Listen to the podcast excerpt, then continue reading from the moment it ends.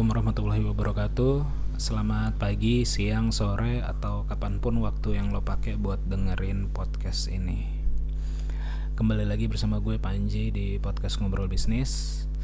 Dan kembali lagi ini versi monolog. Uh, Sekarang persisnya tanggal 14 November 2019 Persisnya jam 16.37 Udah mau jam 5 sore Hmm, dan seperti biasa, kalau di podcast monolog, gua mau ngebahas isu yang lagi rame belakangan ini, tentu saja yang berkaitan atau bisa dikaitkan dengan bisnis gitu ya, sesuai namanya ngobrol bisnis.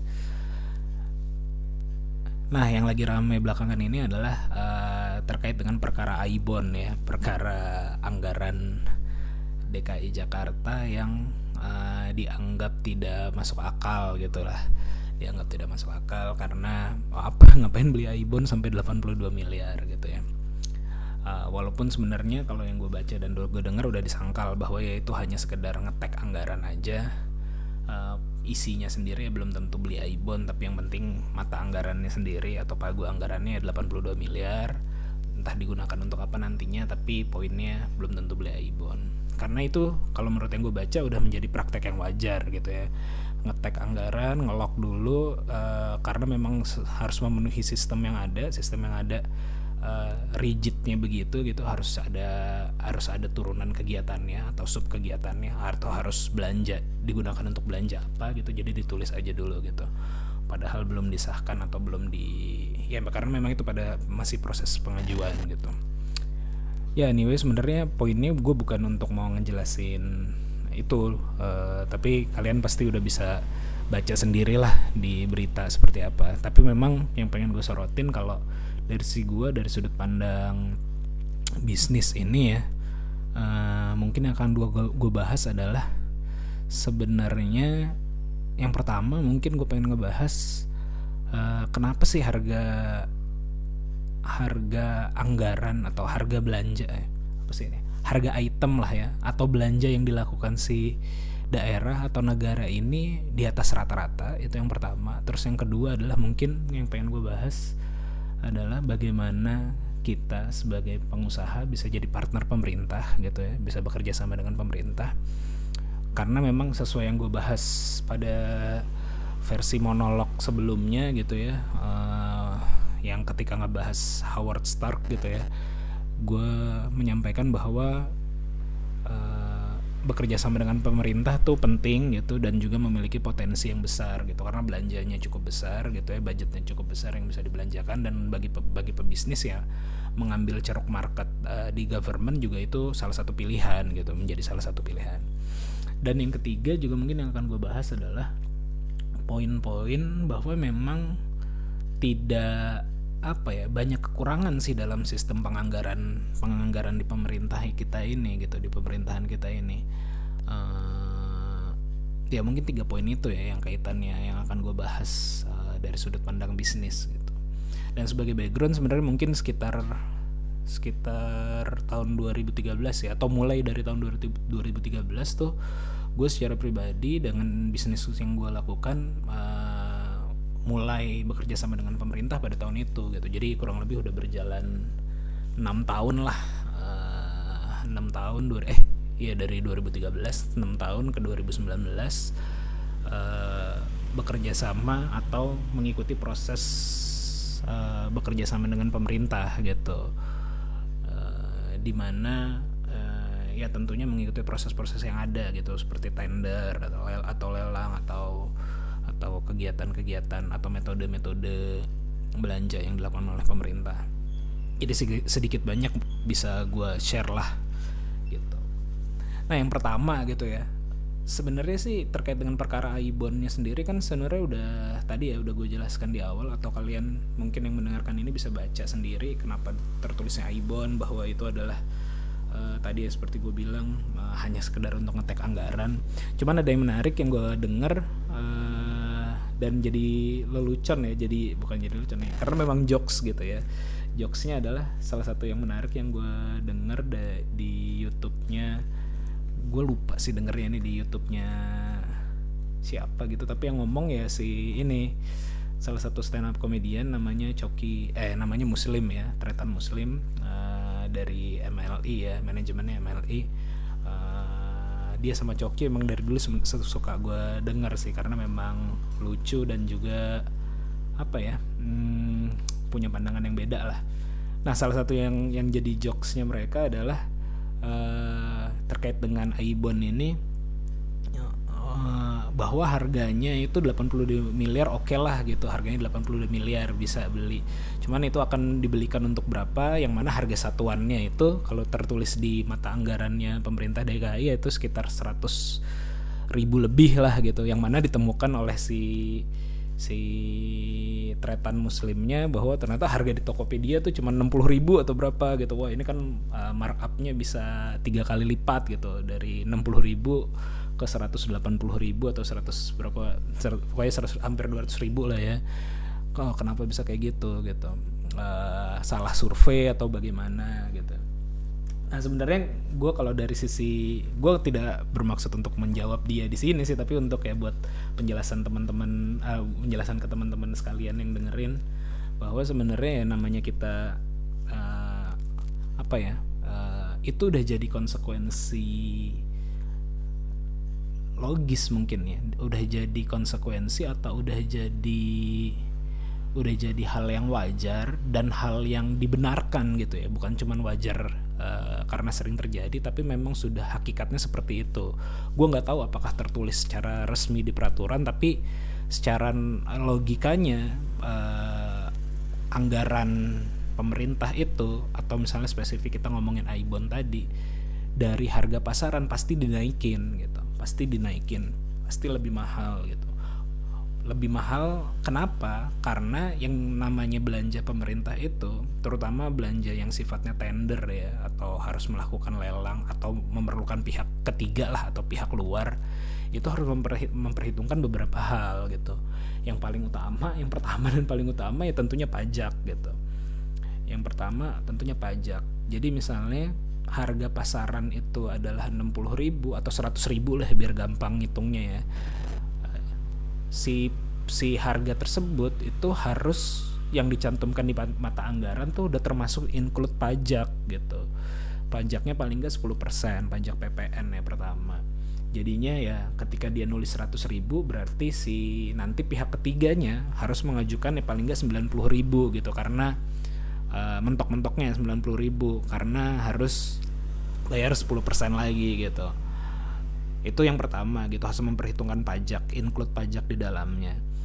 Yang kedua adalah ya harus memperhitungkan profit dari si uh, pengusaha atau dari si bisnis yang menjadi pihak ketiga yang jadi partnernya pemerintah ini gitu itu saya rasa ya udah jadi hal yang wajar dan mungkin juga dibenarkan dalam mindset si para ASN gitu ya para pegawai negeri di Pemda maupun di pemerintah pusat ketika mereka menyusun anggaran itu ya pasti dilebihin.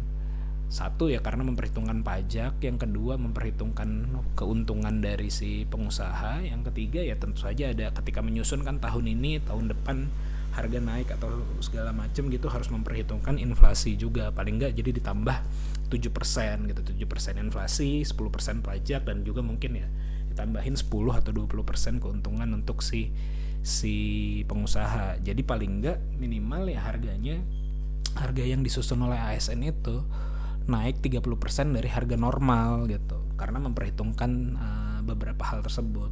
Normal apa paling enggak 30%. Kalau di atas lagi ya tentunya sangat uh, lebih bagus gitu ya. Karena nanti jadi ada ruang ruang bagi si pengusaha untuk berkompetisi nyari harga yang paling efisien gitu kan. Bisa dipahami ya kira-kira apa yang gue maksud. Jadi kalau secara singkat kenapa sih harga Aibon atau kenapa sih harga item dalam suatu belanja barang itu di APBD gitu atau di APBN itu harganya kok jauh lebih mahal dari harga pasaran? Ya karena harus memperhitungkan tiga hal bagi si ASN ini ketika mereka menyusun menyusun anggaran tersebut. Yang pertama adalah harga yang mereka tuliskan tuh udah termasuk include pajak 10% gitu PPN. Yang kedua adalah mereka harus memperhitungkan mungkin harganya tahun depan akan naik paling nggak inflasi jadi menambah kurang lebih mungkin 7% dan juga harus memperhitungkan eh, kira-kira paling nggak ngasih profit untuk si pihak ketiganya, si pengusahanya, si uh, pengusaha atau perusahaan yang jadi partner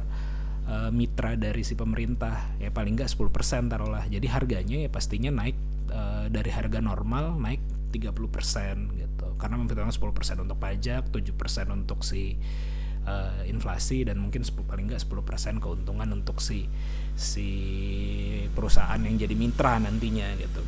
Kenapa? Karena ya belanja yang dilakukan oleh pemerintah itu tidak bisa dilakukan sendiri, terutama yang sifatnya tender gitu ya, sifatnya belanja keluar, belanja barang atau belanja jasa itu kan tidak bisa mereka lakukan sendiri kecuali swakelola gitu. Jadi mereka harus melakukan belanja dan mereka membutuhkan partner pemerintah atau mitra kerja gitu ya atau perusahaan pihak ketiga gitu yang jadi vendor pemerintah karena kalau tidak ada keuntungannya, tentunya bagi si pengusaha tidak mau ada yang mengambil proyek tersebut, tidak ada yang mau uh, apa ya jadi mitra di proyek tersebut. Misalnya kita contoh, misalnya contohin Aibon gitu. Aibon harganya 60.000 gitu.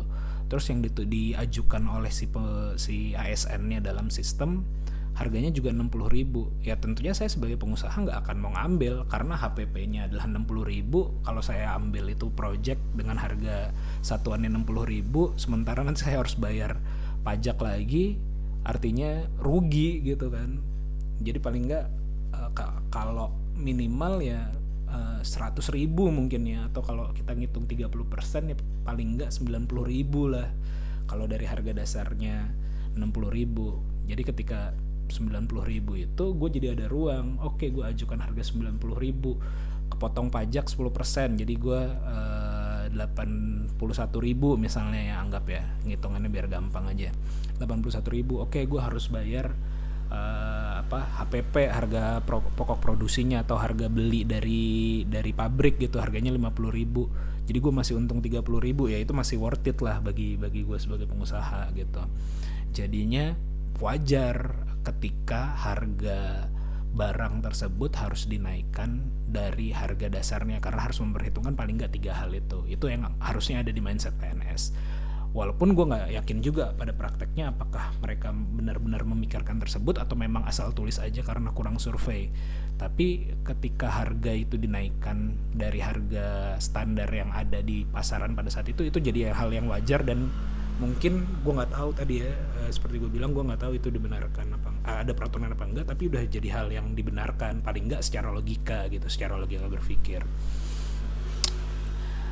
itu yang pertama sih. Uh, jadi memang uh, kalau ditanya kalau tadi ya kembali lagi kenapa gue bahas ini bahwa ada joke seperti itu harganya 60 ribu yang harga di lelang kok 180 ribu atau berapa kali lipat uh, ya sebenarnya dinaikkan itu wajar. Cuman ya nggak tahu berapa kali lipatnya gitu ya. Paling nggak tadi gue gue hitung hitung paling nggak 30% dari harga standar itu ya udah apa udah ada untung lah buat pengusaha walaupun dikit ya kalau untung 10% mungkin kalau bagi beberapa perusahaan ya mungkin nggak mau ngambil gitu. Tapi kalau untungnya lebih besar mungkin mungkin lebih mau mengambil atau ya tadi seperti gue bilang ketika ruang ruang keuntungannya dikasih lebih besar misalnya harga dasarnya tadi 100 ribu gitu ya. Lalu dikasih dibanderol 180 ribu di, pagunya gitu ya di mata anggarannya. Orang kan uh, tahu harga dasarnya kan harga pokok produksinya lah atau harga mo belanja modalnya gitu. Misalnya modalnya 100 ribu ya udah paling nggak gue ada yang mungkin nawarin di tender tersebut ngasih harga 120 ribu ada yang ngasih 150 ribu ada yang ngasih 180 ribu. Itu kan jadi pertimbangan buat si pemerintah untuk menyeleksi mana yang ngasih harga paling murah dan paling efisien atau efektif secara secara anggaran gitu. Ya udah kalau dia berani ngasih harga paling murah dan masih masuk akal gitu ya berarti uh, dia yang dipilih gitu. Itu yang pertama ya tadi ya kaitannya sama uh, kenapa kenapa harga iPhone itu lebih mahal atau atau secara umum kenapa harga uh, item atau barang yang ada di listingnya uh, APB, APBD gitu atau APBN lebih mahal daripada harga di pasaran. Lalu yang kedua adalah yang pengen gue bahas adalah ya ini penting gitu kita bagi pengusaha atau mungkin anak muda yang berbisnis untuk mencoba masuk uh, jadi mitra si pemerintah. Karena memang ya banyak sebenarnya ya uh, yang perusahaan-perusahaan yang bisa ikut tender tersebut adalah perusahaan-perusahaan yang mungkin tidak sesuai dengan kapasitasnya gitu atau perusahaan-perusahaan bodong lah atau segala macam gitu. Makanya ketika anak muda ataupun uh, perusahaan yang kita yang gue jalanin misalnya atau yang orang ngerasa oh gue jalanin perusahaan yang benar gitu. Ikut tender agar ya tadi penyerapannya juga penyerapan yang benar gitu. Yang dilakukan belan jadi mitra pemerintah mitra pemerintah yang benar bukan mitra pemerintah yang kabur-kaburan dan segala macam gitu. Jadi menurut gue dari sisi idealisme mungkin itu jadi sangat jadi satu hal yang penting uh, kita pertimbangkan untuk bermitra dengan pemerintah. Di, yang kedua adalah seperti yang gue bahas di monolog sebelumnya potensinya besar gitu karena anggaran pemerintah cukup besar dan sebagian besar dari anggaran tersebut butuh mitra atau butuh vendor lah untuk sebagai penyedianya gitu. Uh, dan sebenarnya banyak yang nanya ke gue gitu banyak yang nanya ke gue gimana sih cara jadi partner di pemerintah? Partner pemerintah gitu gimana caranya ikut tender? Harus main belakang kah? Harus uh, punya network kah? Harus apa segala macam gitu ya sebenarnya nggak juga sih sebenarnya nggak juga. Karena kan seperti yang kita ketahui sistemnya udah online gitu ya. Ada di LPSE apa yang LPSE di googling aja lah LPSE Jabar kayak LPSE DKI Jakarta kayak LPSE apa kayak gitu ya kementerian gitu ya itu pasti ada. Semua yang akan semua belanja yang perlu di tender ataupun non tender yang sifatnya tender ataupun non tender itu terlisting di situ gitu terdaftar di situ. Dan kita bisa ngelihat di situ ada apa ya ada kegiatan belanja apa saja yang mau dilakukan pemerintah yang kira-kira sesuai dengan kapasitas kita sebagai pengusaha atau perusahaan kita bisa mengerjakan kita bisa apply kita bisa oh ini kayaknya gue bisa ngerjain nih misalnya. Kalau di gue secara pribadi misalnya pembuatan website atau misalnya pengadaan apa gitu bisa gue lakukan ya udah gue apply di situ dan itu mudah gitu loh. Maksudnya apa yang harus dilakukan untuk bisa jadi mitra pemerintah? Ya pertama mendaftar gitu. Itu mendaft harus daftarin dulu gitu. Itu udah online juga sih. Jadi walaupun harus datang ya harus datang juga tetap harus datang secara vis uh, apa direkturnya harus datang gitu ke ke lokasi. Tapi paling nggak pas awal itu kalau kalian nanti teman-teman bisa coba deh. Buka aja website LPSE apa gitu. Misalnya LPSE DKI atau LPSE Jabar Uh, di situ udah ada tombolnya gitu pendaftaran uh, sebagai vendor atau pendaftaran sebagai uh, perusahaan kayak gitu. Itu bisa udah bisa mendaftar di situ dan nanti harus mengikuti verifikasi. Misalnya saya daftarin perusahaan saya di situ apa gitu saya tulis di situ nanti saya masukin emailnya dan segala macam nanti saya isi data-datanya tapi tetap harus datang nanti ke LPSE terdekat lah atau ke kantor kantor ya kantor LPS terdekat yang ada di kota kita gitu. Kita datang situ bawa dokumen-dokumen aslinya harus direkturnya atau kalau nggak direkturnya mungkin harus pakai surat kuasa kayak gitu ya. Jadi cukup cukup begitu aja gitu untuk daftar jadi mitra pemerintah. Ya tentunya syarat sebelum itu ya untuk jadi mitra pemerintah tentunya harus rapi sih rapi secara administrasi eh, surat-surat kelengkapan legalnya harus lengkap gitu ya pajaknya juga harus dibayar dan segala macam kayak gitu untuk bisa jadi mitra pemerintah. Tapi ketika udah kita terdaftar di situ, kita bisa ngikut tuh nanti lelang atau tender uh, apa aja yang ada di situ.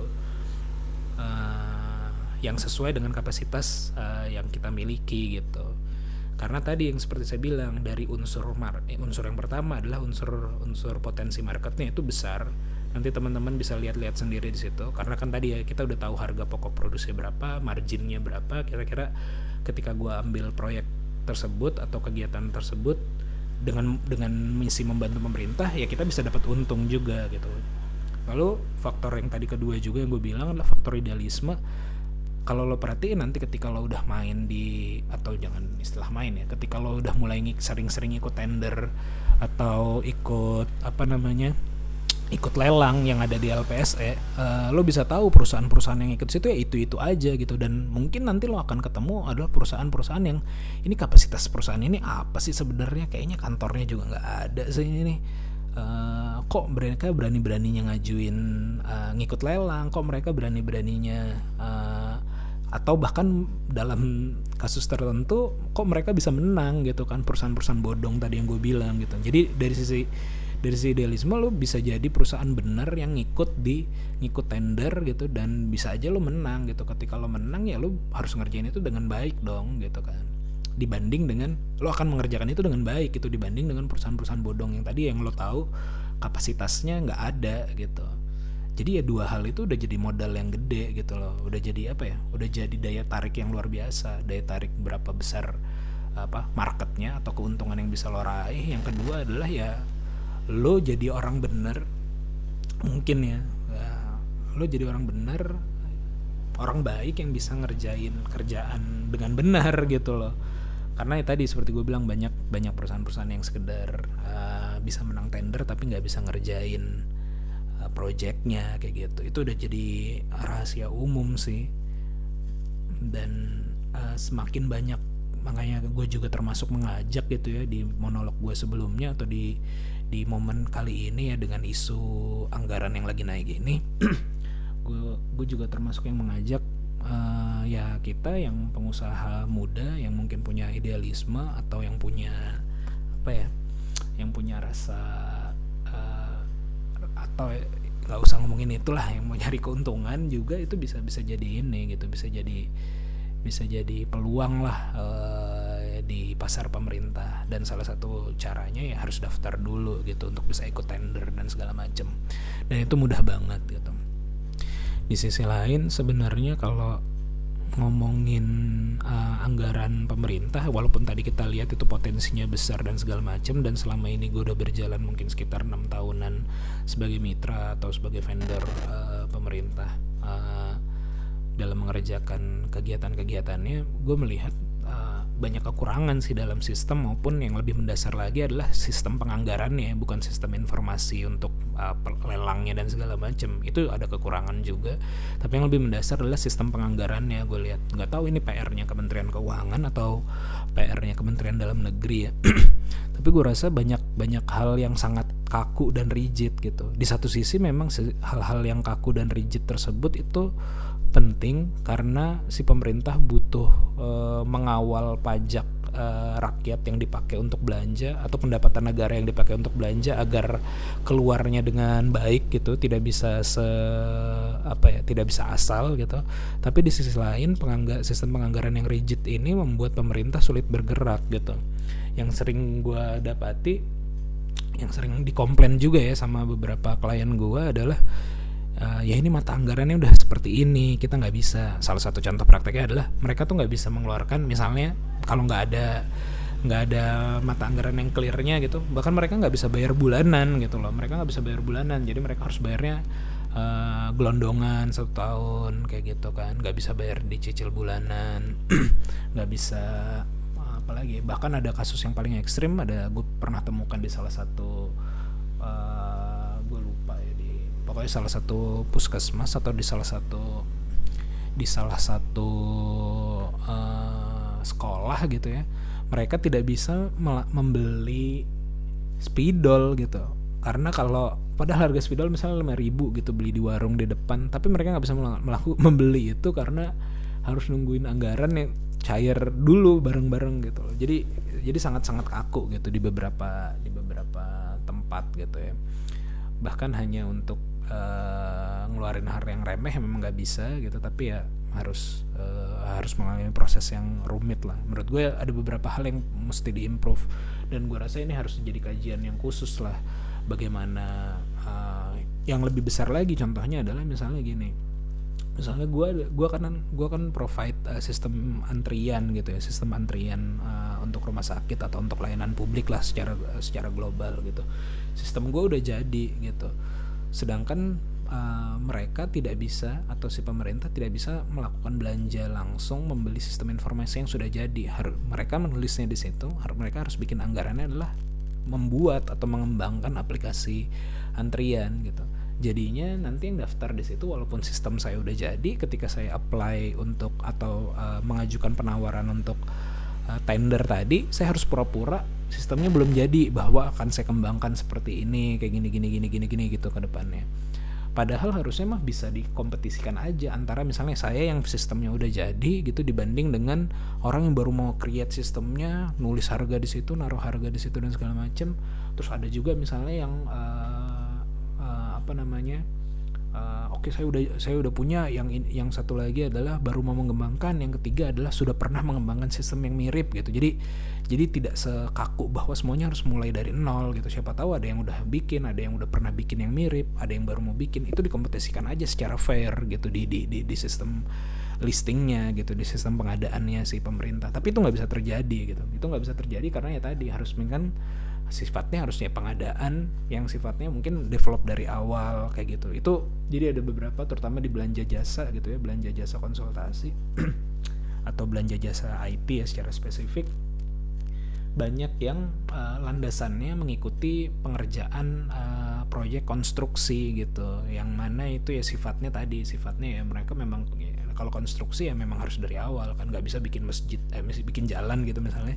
Bikin jalan di mana udah pernah diimplant di sini tinggal dipindahin itu nggak memungkinkan. Jadi ada beberapa yang masih sangat sangat rigid sangat kaku gitulah menurut gue perlu diimprove. Ya tapi uh, yang engah dengan hal ini dan bisa menyuarakan ke publik itu sedikit gitu loh. Karena yang tadi yang main eh, jangan pakai terminologi main ya. Yang yang apa ya yang sering jadi mitra di pemerintah ini ya lagi-lagi orang-orang kebanyakan gitu orang-orang lama yang yang tidak apa ya yang memanfaatkan sistem yang kurang gitu yang kurang bagus seperti itu. Sedangkan yang tadi yang punya idealisme mungkin yang mungkin masih muda ingin merubah uh, ingin berkontribusi lebih gitu kepada pemerintah kepada bangsa gitu ya tidak bermain di area sini gitu tidak tidak tidak tidak menjadi mitra pemerintah dalam uh, artian langsung bekerja sama dengan pemerintah uh, mengikuti proses standar lelang dan segala macamnya gitu. Itu yang itu yang menurut saya uh, sangat disayangkan sih.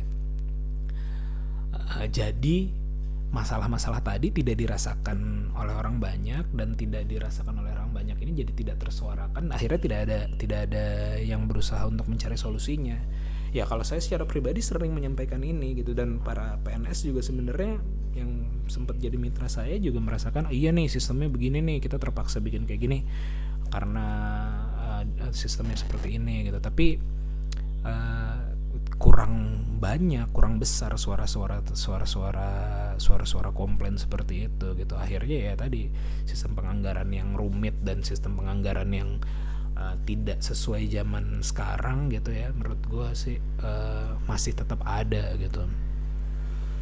Jadi gitu sih sebenarnya uh, dan ya mungkin dalam momen ini gue sih waktu itu berapa minggu minggu lalu atau berapa hari yang lalu gue pernah nge-tweet uh, ya gue senang sebenarnya kasus Aibon ini naik dan mudah-mudahan orang mulai concern dengan dengan dengan uh, sistem penganggaran yang ada gitu ya sistem penganggaran yang ada. Baik itu sistem informasinya dalam dalam perumusan anggarannya ataupun ya lebih dasar lagi gitu paket-paket anggarannya tadi gitu. Uh, karena banyak juga teman-teman gue yang kerja di PNS uh, yang masih muda gitu ya juga merasakan hal yang sama tapi nggak bisa berbuat apa-apa juga gitu. Mereka hanya mengikuti sistem yang ada dan dan itu jadi masalah gitu. Jadi gue seneng kasus si Aibon ini naik. Orang mungkin paling nggak secara umum udah mulai concern oh pajak yang gue gue apa namanya gue serahkan ke pemerintah gue titipkan ke pemerintah untuk pembangunan dipakai buat apa sih? Udah mulai ngeh dari sisi situnya. Yang kedua adalah ya berusaha untuk membangun uh, ya ketika ngomongin ngomongin anggaran kan ngomongin belanja negara ngomongin apa yang dilakukan negara yang untuk balik lagi ke kita gitu ya tadi mungkin Aibon ini untuk pendidikan gitu kan atau misalnya anggaran kita dipakai untuk bangun jalanan di mana gitu. Kita bisa ikut memantau concernnya naik gitu. Dan dari sisi pengusaha gue gue rasa ya harus pengusaha mah sebenarnya sangat mudah melihat peluang ya. Dan ini gue rasa nggak perlu gue perlu ulang-ulang lagi bahwa uh, market pemerintah tuh market yang besar belanja pemerintah tuh belanja yang besar gitu. Dan uh, ini masih banyak dinikmati oleh pengusaha-pengusaha yang gue rasa tidak terlalu punya idealisme gitu ya. Tapi ketika makanya gue mendorong banget pengusaha untuk masuk ke bekerja bisa bekerja sama dengan pemerintah karena ketika ya orang-orang uh, yang punya idealisme yang ngerjain mungkin jadinya akan lebih baik gitu. Bukan cuman bukan cuman sekedar uh, dalam tanda kutip proyek uh, berkonotasi negatif gitu ya. Tapi ya kita mengerjakan suatu proyek jadi hasilnya hasil yang baik akhirnya ya itu jadi ini juga kan jadi warisan juga ibaratnya. Misalnya saya membuat sistem yang bagus gitu dengan anggaran yang ada sistem itu dipakai oleh masyarakat masyarakat merasakan manfaatnya jadinya kan lebih gitu. Dibanding misalnya saya tidak masuk di pemerintah orang lain yang mengerjakan orang lain ini adalah tadi yang saya bilang adalah perusahaan-perusahaan tidak benar eh, impact ke masyarakatnya juga sangat jauh gitu. Jadi ya mudah-mudahan ini bisa jadi uh, apa ya uh, ya sebenarnya kalau um, podcast monolog gue sih lebih lebih apa ya sifatnya menyoroti keadaan aja. Tapi kalau misalnya ada manfaat yang bisa diambil atau ada pesan yang bisa ditangkap ya mudah-mudahan aja uh, semoga bermanfaat gitu ya. Oh iya satu lagi yang sering sering juga gara-gara waktu itu gue ngomongin bermitra dengan pemerintah uh, mendorong orang bermitra dengan pemerintah banyak yang nanya juga gitu uh, ya pemerintah kan uh, apa ya konotasinya tuh negatif gitulah uh, bahwa nanti ada yang minta uang lah ada yang uh, apa ya harus bayar lah. Banyak potong banyak pajak pajak premannya lah banyak jatah premannya lah gitu. Ya menurut gue sih itu balik lagi ke lo sebagai pengusahanya ya. Uh, kalau lo mau nggak begitu ya bisa gitu loh. Ada temen gue juga yang bahkan di industri kreatif gitu ya uh, dia kerjanya bikin film bikin apa ya bikin animasi atau bikin film untuk untuk bekerja sama dengan pemerintah dia juga sangat ketat gitu. Dia ngikutin prosesnya dengan baik dan benar dan ketika ada yang minta-minta untuk uh, apa ya tadi ya minta jatah preman atau apa segala macem ya tidak dihiraukan sama dia tidak diaminkan. Karena ya tanpa perlu kayak gitu pun sebenarnya kita bisa dapat uangnya yang uang yang memang menjadi hak kita gitu tanpa perlu bayar orang ketika memang kita udah ngerjain dengan benar melaporkan kegiatannya dengan benar uangnya pasti akan kita terima gitu sih. Jadi jadi ya tidak itu jadi pilihan aja sih banyak yang bilang banyak yang bilang bahwa main di pemerintahan itu kotor ya balik lagi lo kalau mau main yang kotor ya lo ketemu sama orang-orang yang kotor juga. Tapi kalau lo dari awal uh, strict gitu ya ya gue nggak mau bayar jatah preman ya lo nggak akan lo nggak lo nggak lo nggak lo nggak perlu lo ke depannya ya lo akan tetap bersih gitu. Balik lagi ke ke diri masing-masing sih kalau kayak gitu. Oke okay, uh, eh, sekian aja sih yang bisa gue sampaikan. Semoga ada manfaatnya sekali lagi. Uh, terima kasih yang udah dengerin sampai habis. Kalau ada yang mau nanya-nanya lagi silahkan aja di email ke gue gue taruh di deskripsinya atau kontak gue juga via Instagram. Uh, di pan eh, di @panji.prabowo sekian dari gue. Uh, assalamualaikum warahmatullahi wabarakatuh